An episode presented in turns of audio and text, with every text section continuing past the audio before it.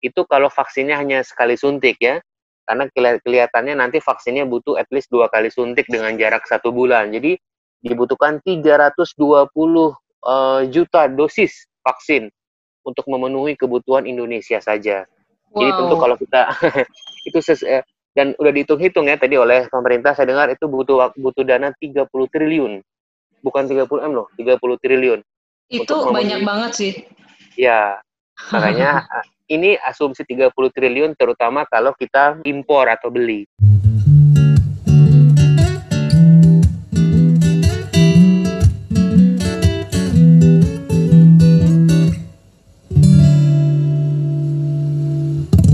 Hai Sobat Relatif, apa kabar? Ketemu lagi kita di Relatif Perspektif Podcast bersama saya Dr. Syala Putri Sundawa.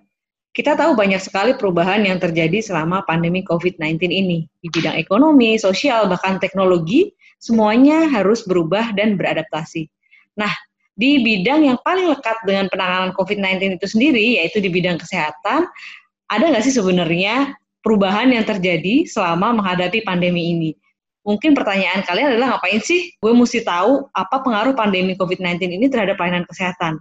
Nah tentunya karena kalian adalah tujuan kenapa layanan medis itu ada dan layanan medis itu dibuat untuk memastikan bahwa semua orang itu sehat dan jika pun mereka terjadi sakit, mereka bisa mengakses layanan supaya mereka bisa segera sehat lagi.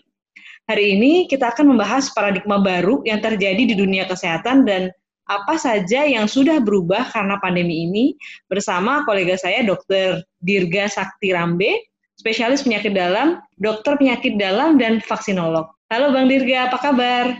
Halo, alhamdulillah baik. Selamat malam. Terima kasih Bang atas waktunya untuk ngobrol-ngobrol di episode uh, relatif perspektif. Ya, Nah, jadi uh, kemarin tuh saya sempat berandai-andai sih Bang. Sebenarnya kalau selama pandemi COVID-19 tuh layanan medis kita tuh sebenarnya itu secara umum kalau menurut pandangan Bang Dirga sendiri hmm. apakah sekarang dibandingkan waktu beberapa waktu yang lalu sebelum kita ada pandemi itu sebenarnya sama nggak sih kayak yang dulu sama sekarang gitu? Ya, sebagai uh, dokter yang sejak apa pandemi hari pertama sampai sekarang itu selalu uh, apa praktek bekerja seperti biasa, mm -hmm. uh, saya betul-betul merasakan perubahan uh, kondisi di lapangan ya. Mm -hmm. Jadi terutama uh, kalau di Jakarta waktu penetapan PSBB ya, terutama pertama kali itu uh, pasien betul-betul yang ke rumah sakit uh, amat sangat sedikit bahkan berkurang sampai 90 persen. Wow. Artinya hanya pasien yang gawat, misalkan pasien kecelakaan, ya, pasien mm-hmm. serangan jantung, misalkan yang memang nggak ada pilihan lagi gitu. Jadi memang orang sedemikian khawatirnya. Tapi saya pikir sampai tingkat tertentu itu bagus karena artinya mungkin mengikuti anjuran dari pemerintah gitu kan. Nah, tapi memang ada concern bahwa uh, jangan sampai mereka-mereka pasien-pasien ini yang sebetulnya butuh perawatan rutin uh, dengan penyakit-penyakit kronik ini jadi tidak berobat itu kan. Jadi kalau ditanya apakah ada perubahan, ada satu dalam jumlah uh, pasien yang datang ya, yang tadinya tidak, yang tadinya rutin berobat jadi tidak rutin atau uh, terputus. Terus perubahan yang perubahan yang kedua tentu perubahan dari uh, pelayanan rumah sakit ya. Uh, misalkan tentu sekarang hampir semuanya sudah menerapkan protokol-protokol pencegahan ya. Kita lebih tertib dengan pencegahan uh, apa infeksi orang juga sekarang makin sadar bahwa rumah sakit itu tempat yang memang uh, tanda petik infeksius berbahaya ya. Kemudian juga satu lagi saya menggarisbawahi uh, sekarang layanan telemedicine atau layanan komunikasi apa uh, kedokteran jarak jauh juga uh, mulai mulai marak gitu. Gitu sih. Oke, jadi sebenarnya secara umum dari layanan kita sendiri tentunya ada beberapa perubahan ya, terutama di load waktu awal-awal ketika pasien itu banyak yang panik dan sebagainya, banyak yang takut ke rumah sakit gitu ya Bang ya? Betul, betul. Kalau di sekarang ini kan kita udah uh, memulai era yang disebut new normal ya Bang. Kalau dari ya. perubahannya sendiri, apakah jumlah dari kedatangan itu udah mulai kembali seperti dulu atau memang masih sama berkurangnya sama uh, orang masih takut kontrol yang dengan penyakit kronik nggak mau datang ke rumah sakit gitu atau udah mulai balik lagi bang? jumlah uh, kunjungan pasien yang jelas belum 100% balik normal ya. Mungkin sekarang balik 50 sampai eh, uh, 70%. tapi tetap secara umum itu persepsi uh, masyarakat secara umum memang uh, sekarang sudah jauh berbeda ya. Jadi memang sekarang kalau saya nggak penting-penting banget, saya nggak akan ke rumah sakit gitu. Nah takutnya anggapan ini, uh, anggapan ini betul sebetulnya ya. Kalau nggak penting nggak usah ke rumah sakit itu betul. Tapi jangan sampai uh, apa ke kebablasan gitu. Jadi uh, saya ketemu pasien-pasien yang baru kontrol sekarang 2-3 bulan nggak kontrol ternyata ada yang beli obat sendiri gitu kan tanpa misalkan sakit diabetes kan harusnya kan obatnya sesuai dengan kondisi gula darahnya gitu kan ini obatnya Betul. jalan terus rutin terus jadi nggak ada evaluasi atau itu kalau yang bisa beli obat tapi yang yang sedih sebetulnya terutama pasien-pasien ini ini pengalaman saya di lapangan ya pasien-pasien yang pakai berobat dengan JKN BPJS mm -hmm. yaitu kan uh, terutama yang mungkin teman-teman yang PBI yang menerima bantuan iuran itu nggak bisa nggak bisa beli obat jadi saya banyak pasien dengan gangguan ginjal, dengan diabetes yang sama sekali nggak minum obat selama 2-3 bulan terakhir. Gitu. Wah itu ini juga ya agak bahaya juga ya untuk ke kelanjutan dari pengobatan penyakit kronisnya gitu ya bang ya? Betul.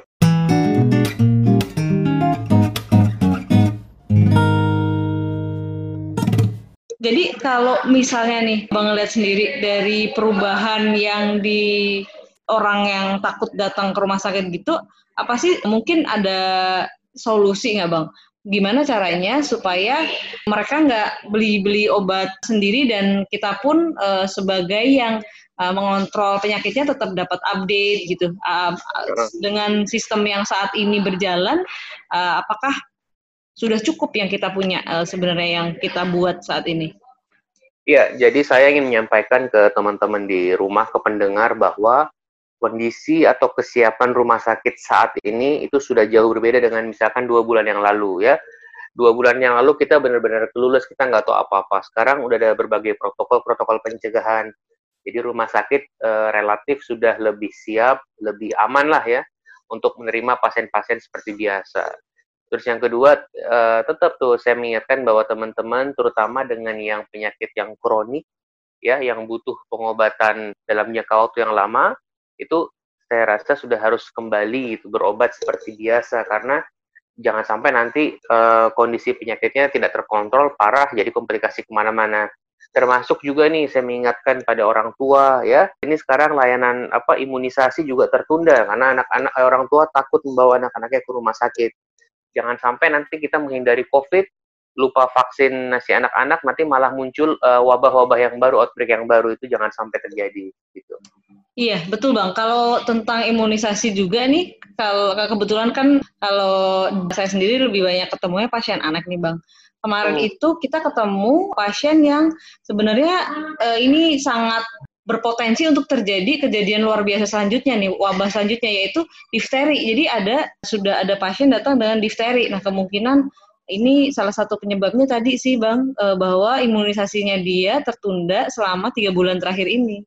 Betul. Jadi jadi uh, saya apa ingatkan pada orang tua bahwa uh, imunisasi pada saat ini sudah tidak boleh ditunda lagi dan saya pikir juga itu sejalan dengan uh, arahan dari Ikatan Dokter Anak Indonesia ya. Jadi nggak usah ditunda lagi, segera ke rumah sakit. Juga sekarang rumah sakit saya lihat sudah mulai mengkhususkan ya, misalkan hari ini adalah hari imunisasi gitu, besok hari yang untuk yang sakit. Jadi udah ada upaya-upaya dari rumah sakit supaya memastikan uh, pasien-pasien atau anak-anak yang datang itu juga uh, lebih lebih aman gitu.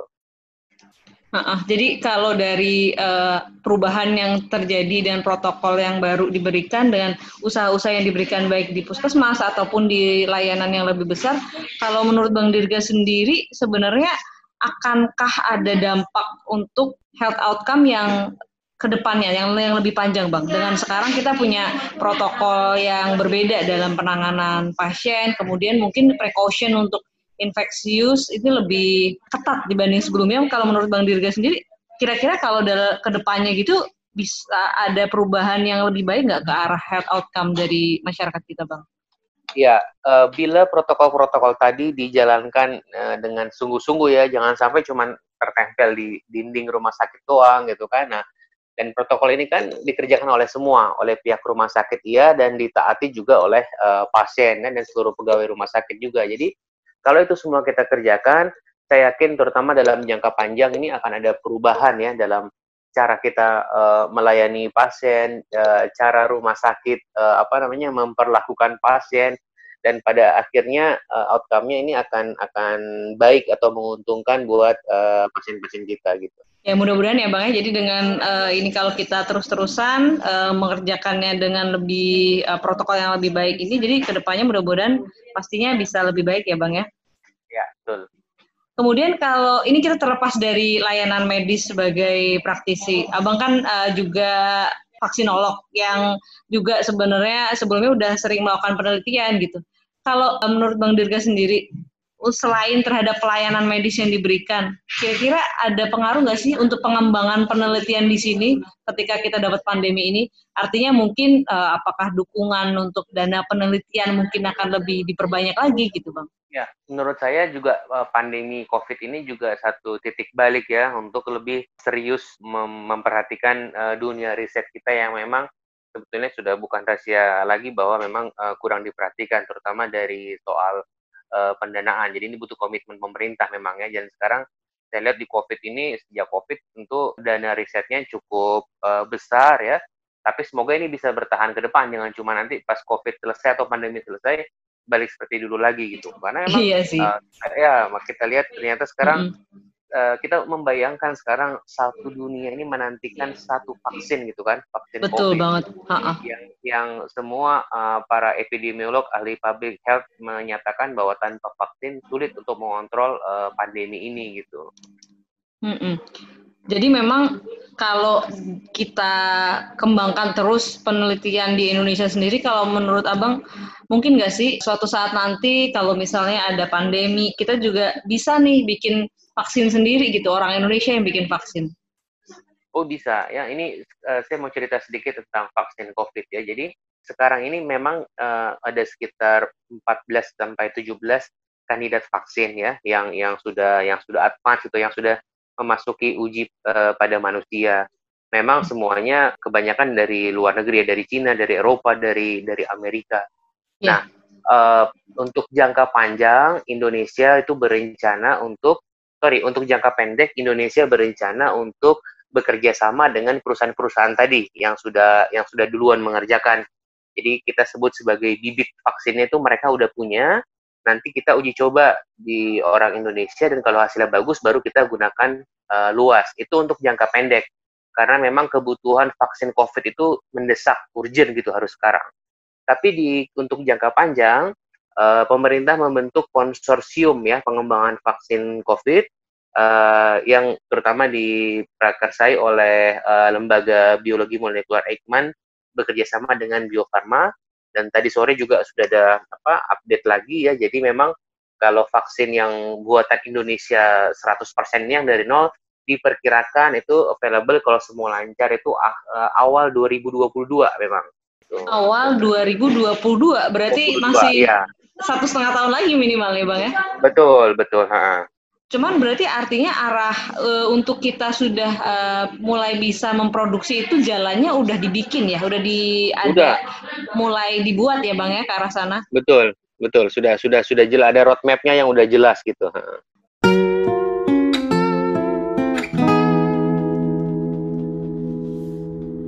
Tapi kalau uh, misalnya nanti memang bisa tuh uh, kita buat sendiri itu apakah nanti ada badan sendiri yang dibentuk khusus untuk uh, menjadi vaks uh, untuk memproduksi atau membuat vaksin ini atau menggunakan badan yang sebelumnya udah ada mungkin LIPI atau apa gitu bang?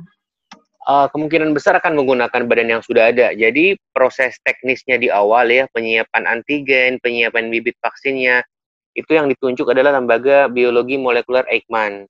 Nah, nanti kalau udah jadi nih kandidat vaksinnya akan diserahkan ke industri yaitu eh, BUMN ya PT Bio Farma untuk di scale up. Jadi untuk diproduksi secara secara massal ya.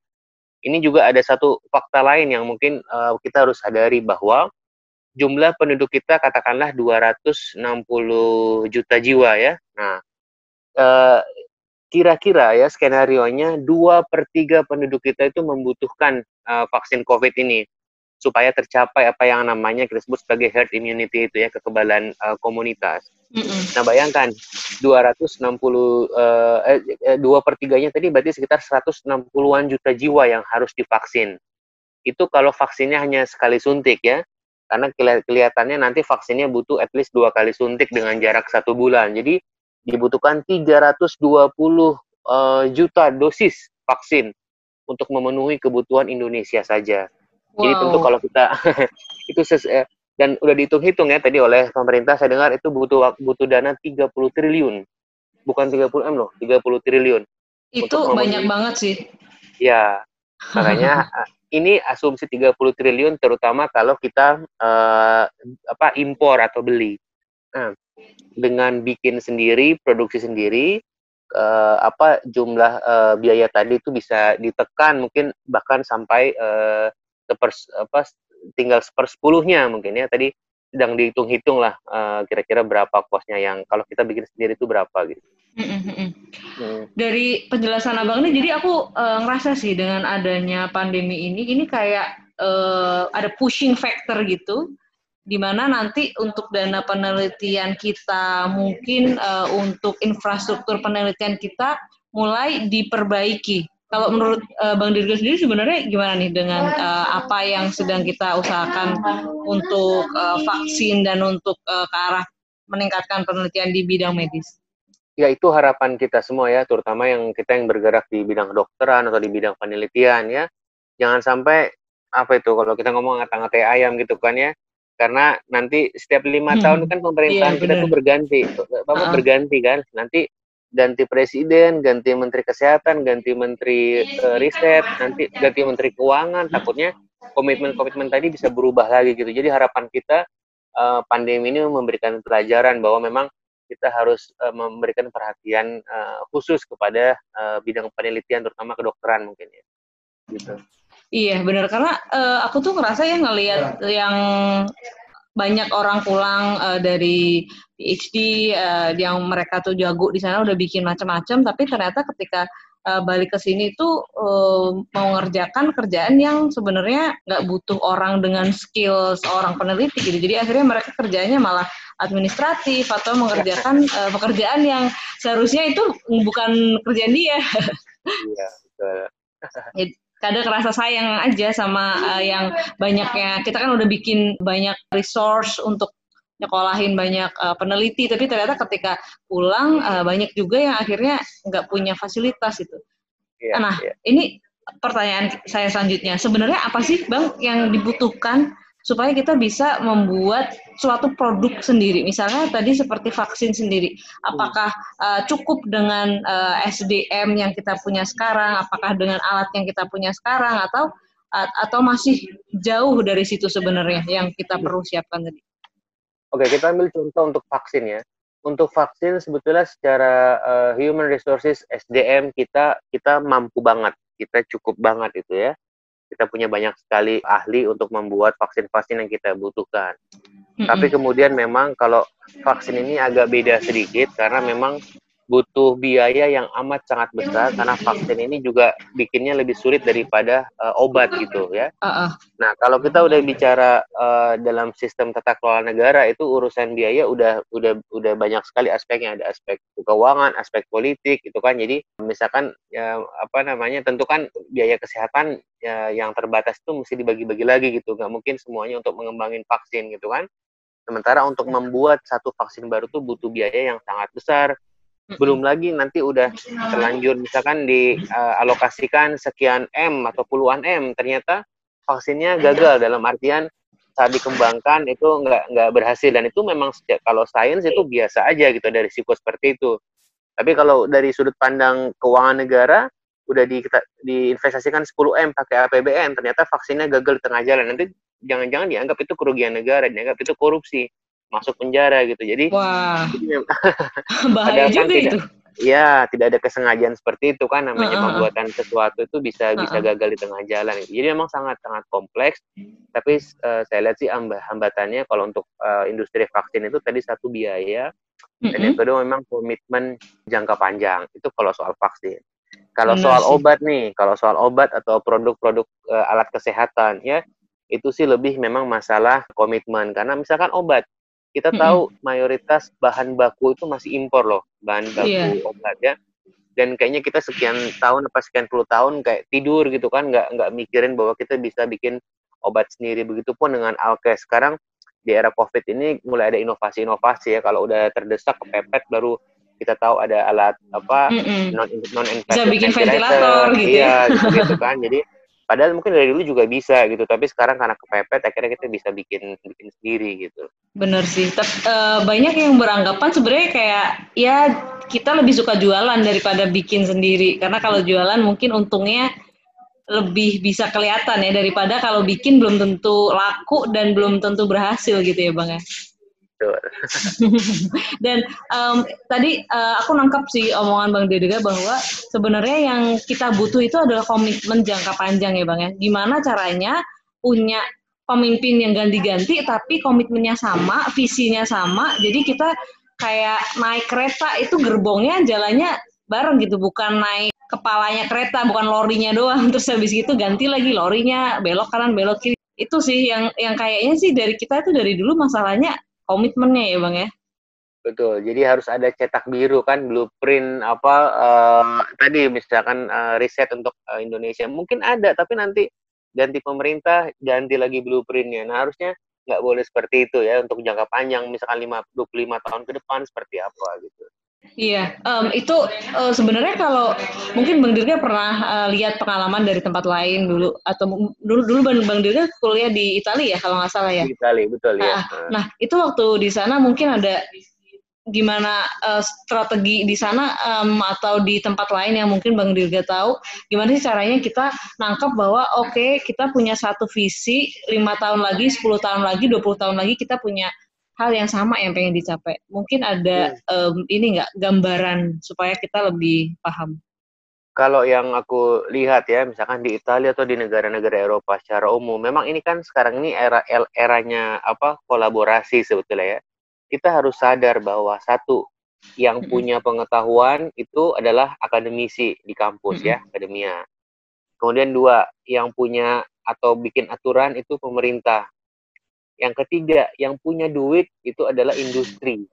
Ya, hmm, itu itu ya, itu itu tidak bisa menutup apa kita memang itu faktanya gitu. Kita nggak bisa memaksakan uh, negara menyediakan seluruhnya karena kebutuhan negara apa besar sekali dan anggarannya terbatas gitu. Jadi memang mm -hmm. harus harus dari awal harus kolaborasi gitu kan antara tiga tadi supaya menghasilkan produk kita kan selalu mendorong apa kemandirian industri nasional termasuk industri obat-obatan, uh, vaksin gitu kan. Tapi yeah. memang butuh komitmen. Nah di luar negeri itu negara negara maju yang aku lihat itu semuanya jalan. Jadi hmm.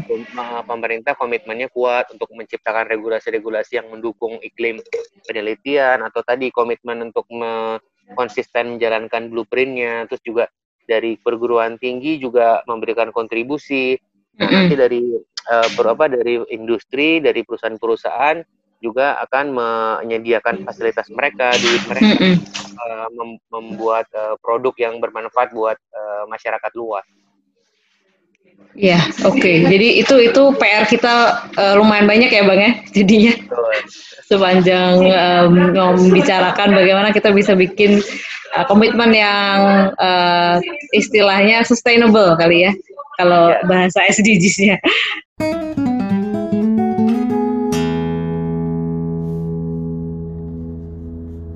Okay, kita uh, saya punya pertanyaan lanjutan. Kalau misalnya nih ada banyak berita bahwa mungkin aja ada virus yang baru yang jadi pandemi lagi. Bahkan aku dengar sekarang di Cina ada kekhawatiran bahwa sudah ada virus baru yang bisa bertransmisi juga dari manusia ke manusia. Sebenarnya kalau misalnya di masa depan nih lima tahun lagi ada lagi yang kayak di sini, menurut Bang Dirga kita akan lebih siap atau gini-gini aja? Iya, uh, aku yakin ini bukan pandemi yang terakhir, ya pastilah ya. Karena yang paling ditakutkan adalah su adanya suatu evolusi spesies yang bisa lompat dari hewan ke manusia.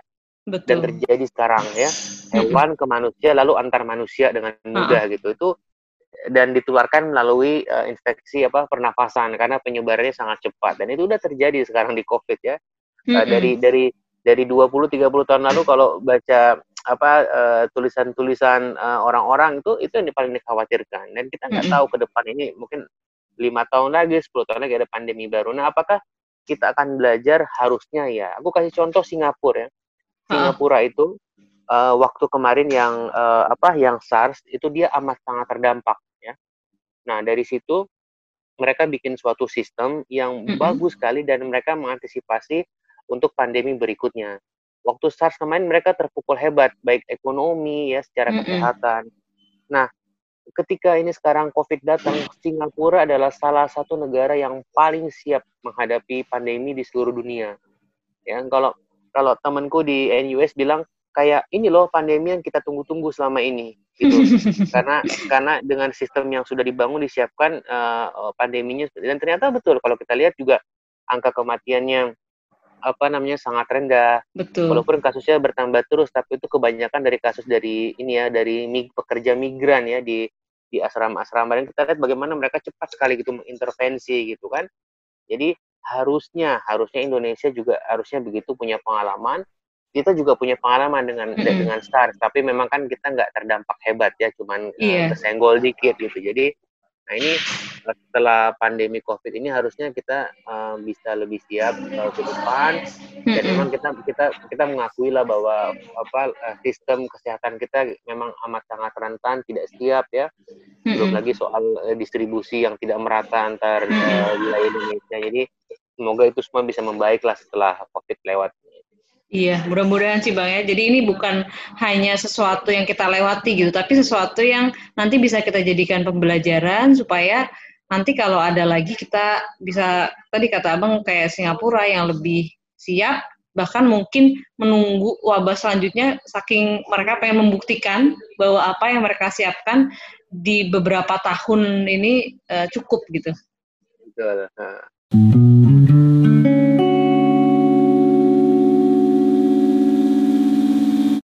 Oke Bang, kita masuk ke uh, sesi selanjutnya untuk um, rekomendasi. Jadi kalau di akhir podcast kita di relatif perspektif itu pasti ada satu sesi. Ini satu sesi yang sebenarnya uh, kayak bonus sih Bang buat pendengar kita. Jadi isinya itu rekomendasi buku dan film yang berhubungan dengan topik yang kita bicarakan. Hari ini kan kita ngomongin tentang titik balik dari pelayanan medis dan penelitian di Indonesia nih? Mungkin dari bidang uh, vaksinasi atau dari bidang uh, pelayanan medis, uh, kedokteran atau uh, bidang penelitian ada buku atau film yang mau direkomendasikan ke pendengar kita nggak bang? uh, ini soalnya pendengarnya kan kebanyakan orang awam gitu ya. Iya. Uh, sementara memang kalau buku untuk COVID ini memang masih katakanlah masih terbatas banget ya, apalagi yang bahasa Indonesia ya. Mm-mm. Jadi kalau kalau buku sih kelihatannya belum ada, tapi uh, saya mengajak teman-teman di rumah itu betul-betul untuk hati-hati memilih informasi. Jadi follow aja tuh Instagram, Facebook atau Twitternya akun-akun uh, Kementerian Kesehatan ya IDAI atau PAPDI gitu. Jadi informasinya uh, benar. Jadi jangan uh, cari informasi dari WhatsApp University gitu ya karena 90% informasi di WA itu uh, hoax gitu ya. Jadi mesti hati-hati. Hmm. WhatsApp uh, University itu bahaya bang ya. kalau film mungkin coba nonton uh, Contagion ya, mungkin itu juga apa bagus dan apa mm -hmm. memberikan in insight buat kita gimana kalau ada pandemi itu menghadapinya seperti apa, kondisinya seperti apa gitu. Mungkin itu yeah. sih. Oke, okay, siap. Nanti um, kita akan uh, tonton filmnya juga dan um, ikuti update-update uh, yang terpercaya tentunya dari akun-akun yang uh, dari pemerintah gitu misalnya ya Bang ya. Ya, betul. Ada pesan buat pendengar kita Bang untuk ke depannya supaya lebih hati-hati atau bagaimana kita uh, menyikapi misalnya banyak juga yang uh, sakit di kala pandemi ini gitu. Dan uh, tadi mungkin masih banyak yang takut ke rumah sakit. Mungkin ada pesan atau himbauan yang pengen disampaikan? Ya uh, buat teman-teman di rumah. Jadi uh, apa memang betul ke rumah sakit bila perlu saja itu betul ya. Tapi juga uh, mesti lihat kondisi kita kalau memang kita membutuhkan perawatan yang yang apa yang yang rutin tiap bulan mesti kontrol itu sekarang sudah saatnya untuk uh, kembali ke dokter ke rumah sakit ya jangan sampai karena ketakutan yang berlebihan merugikan kesehatan kita gitu terus yang kedua tetap ikuti protokol pencegahan ya uh, jangan terlena, jangan bilang ini new normal terus seperti semua sudah normal, tidak ya. Uh, karena memang uh, kita lihat tiap hari kasus masih bertambah di atas seribu terus ya. Jadi ini uh, uh, COVID ini belum selesai ya, masih agak panjang. Tetap waspada, jangan sampai tertular dan jangan sampai uh, menulari. Itu mungkin. Oke, siap. Itu biar dicatat sama teman-teman. Nah, kalau uh, teman-teman kita mau dengar lebih banyak uh, mungkin advice atau opini dari Bang Dirga, bisa ada sosial medianya nggak, Bang? Ya, saya paling aktif di Twitter ya, uh, mm -hmm. Dirga Rambe. Terus sesekali juga ngeposting di Instagram juga sama at Dirga Rambe. Silakan. Oke, okay, siap. Jadi nanti uh, supaya infonya juga terpercaya nih, jangan uh, hoax-hoax yang banyak beredar. Oke, okay. terima kasih Bang untuk waktunya uh, sudah ngobrol-ngobrol dengan kita. Terima kasih atas ilmunya. Mudah-mudahan nggak cuma saya yang dapat uh, ilmu hari ini, teman-teman kita yang lain juga bisa lebih banyak lagi wawasannya tentang uh, pandemi ini dan bagaimana kita harus menyikapi diri kita selama uh, masa pandemi ini. Iya. Terima kasih. Sama-sama. See you, Bang. See you, dadah. Jangan lupa, kalau kalian suka dengan episode podcast ini, follow podcast kita dan share ke teman-teman kalian yang lain supaya mereka juga bisa mendapatkan manfaat seperti yang kalian juga dapatkan. Jangan lupa juga untuk follow Twitter saya at Oxfara. Di situ kalian bisa mendapatkan banyak info kesehatan dan juga update setiap episode barunya Relatif Perspektif Podcast. Di Instagram kita juga ada di relatif.perspektif. Sampai ketemu di episode selanjutnya. Bye!